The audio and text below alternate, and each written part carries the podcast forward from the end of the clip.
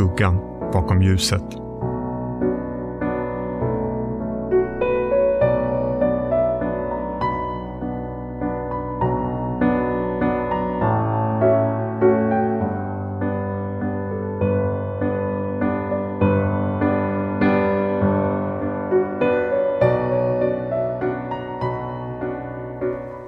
Kort före publicering kommer besked om vem politikern som Zaida Catalan fruktade att möta på en restaurang tio dagar före sin död var. Parlamentarikern Martin Kabuya, ännu en person i gruppen kring ministern Clement Kanko.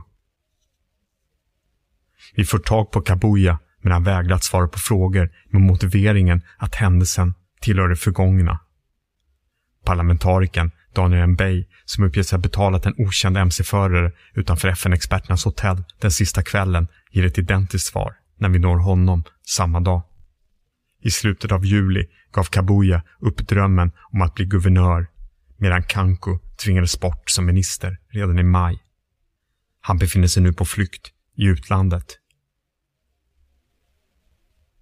Min klient har inget med det här att göra. Anklagelserna mot honom är felaktiga och fabricerade för att dra hans namn i smutsen och gömma sanningen, säger Kankos belgiska advokat Diodoné Chibuabua. Av vem? frågar jag. Det måste utredas. Herr Kanko önskar en internationell utredning så att hans namn kan rentvås. Uppgiften om att företrädare för regeringen i Kinshasa i slutna rum, diskret, off record har börjat beskylla oppositionspolitikerna Kanko, Mbey och Kabuya för morden nås från fler håll. En svartmålning som förefaller vara politiskt motiverad och inget behöver säga om skuldfrågan. Redan första veckan efter mordet såg höga militärer till att sprida nyckelvittnet Jean Bosco Mokandas utsagor att Catalan och Sharp mördats av lokala milismän hos FN. I vilket syfte? Under vintern 2017 hade rapporterna om arméns massakrer kommit allt tätare. Under vintern 2017 hade rapporterna om arméns massakrer duggat allt tätare. Det går inte att utesluta att höga befäl i Kasai som Ruhorembere, Safari och Lombe, som under så många år undgått alla straff, fruktade att rättvisan till sist skulle hinna ikapp dem. Eller att de skulle offras av sin egen regering. Fick de panik efter morden på de utländska experterna även om de inte själva var inblandade. En sen septemberdag får vi tag på nyckelvittnet Jean Bosco Mokanda och konfronterar honom med det förändrade vittnesmålet. Han tystnar först. Sen säger han. Med all säkerhet så har jag sett det med egna ögon. Vi påpekar att det finns de som uppger att han har tagit emot pengar för att ändra sin version. Nej, nej, nej, svarar han. Jag har inte tagit emot något. I rättegången presenterar sig vittnet Mokanda bara som lärare. Nu medger han att han också arbetar som informatör. Vi frågar vem uppdragsgivaren var. Flera personer, myndigheter, armén, politiker och Monusco, svarar han. Det cirkulerar uppgifter om att ni skulle ha en egen milis i Bokonde, påpekar vi. Jag har gripits och torterats. Jag tror inte man skulle ha vågat det om jag haft en egen milis. Det är alltid riskfyllt att dra förhastade slutsatser. Märkliga omständigheter utgör inte bevis för någon konspiration. Att Zaida Catalan tyckte sig vara något väsentligt på spåret och att hon hade farliga fiender behöver inte betyda att samma personer beordrat mord. Inte heller behöver det faktum att ett nyckelvittne ljuger i rätten, att den sista mc-chauffören är mystiskt oidentifierad, att regeringen uppträdde nervöst och motsägelsefullt, att FN-experternas tolk aktivt försökt vilseleda dem eller ens att mordfilmen är ett rent montage har någon avgörande betydelse. Den officiella versionen, att Kamuinen Sapo-milisen i två byar, alternativt drogade rebeller utklädda till milismän, ensamma fattade beslut om att mörda experterna, planera morden, genomföra dem och dessutom dokumentera sina brott för att senare sprida materialet, går fortfarande inte att utesluta. Men den som söker sanningen bör fråga sig vem som hade mest att vinna på morden. För vem, eller vilka, utgjorde FN-experterna ett hot. Flertalet av de män som dyker upp i Zaida Catalans kvarlämnade material, vare sig de tillhör regeringsparti eller opposition eller är militärer, har en sak gemensamt. De antingen hotades av att få sanktioner riktade mot sig eller stod i ekonomisk beroendeställning till någon person som gjorde det. Längre upp återfinns en regering i desperat behov av att legitimera sitt eget våld inför utländska biståndsgivare och investerare. Det är svårt att se att spåren skulle stanna i byarna runt mordplatsen. Svårt att se att de inte skulle leda vidare mot lokala makthavare eller militärer och möjligen vidare upp i den kongolesiska statsapparaten. Svensk polis har fortfarande inte rest till Kongo-Kinshasa.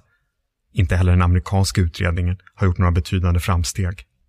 FN, vars hittills enda utredning köpte myndigheternas version under stark press. Generalsekreterare Antonio Guterres planerar under hösten att skicka fyra poliser med specialkompetens till landet för att förstärka den kongolesiska utredningen. Det är svårt att förstå varför han har dröjt så länge med att agera. Och lika svårt att se hur hans poliser ska kunna arbeta fritt i landet. Sanningen finns i de otillgängliga byarna runt mordplatsen och bland den yttersta maktens läckor. Kraven på en internationell, oberoende utredning lär inte tystna. Bara med en sådan utredning kan berättelsen om kvinnan som ville förändra världen och inte återvände bli något annat än ännu en påminnelse om hur lite en människas liv är värt i Kongo. En första upprättelse för de tusentals och åter tusentals namnlösa offren i massgravarnas land. En strimma hopp om att kunna bryta spiralen av strafffrihet som är Kongos verkliga förbannelse. Saidas vän Emily Lidsgård tittar ut genom fönstret på Kulturhuset i Stockholm. Sommaren har gått, hon har bearbetat det som har hänt, är en starkare människa nu, vågar se in i framtiden igen. Hon trodde att hon hade släppt Kongo, men det var som om Kongo fortsatte att dra i henne. Det nya jobbet på Folke Bernadotteakademin kommer att innebära resor till Kongo. Kanske handlar det lite om att övervinna spöken. De dödade min vän, det var inte Kongo som gjorde det. Inte människorna som bor där, säger hon. Det nya jobbet handlar om att få för detta rebellsoldater att hitta tillbaka till samhället. Det kommer att bli en utmaning, säger hon. Men jag hör Saidas röst som hejar på och uppmuntrar. Det måste gå att göra saker. Det måste gå att få en förändring. Vi är tillbaka under de gulnande ekarna intill den öländska stenkyrkan där havet skymtar över fälten. Mamma Maria och systern Elisabeth Morseby väntade länge på att få tillbaka hela Saida Catalans kropp. Senare i höst tänker de gravsätta henne ändå. Lägenheten i Stockholm är såld, tusen minnen, anteckningar och fotografier nedpackade i lådor och undanstuvade för att kanske tas fram någon gång längre fram. Också Maria Morsebys hus med utsikten mot Kalmarsund och Rällaskogen dit Saida brukade komma för att koppla av från världen, springa, laga mat, odla jordgubbar, måla tavlor, göra yoga och bara umgås, har sålts. Det nya huset vetter mot öster istället för väster. Solnedgångar har bytts mot soluppgångar och en öppen horisont. Platsen är, om möjligt, ännu vackrare. Kyrkan är bara några hundra meter bort. När Saida var hemma brukade de prata om allt annat än arbete.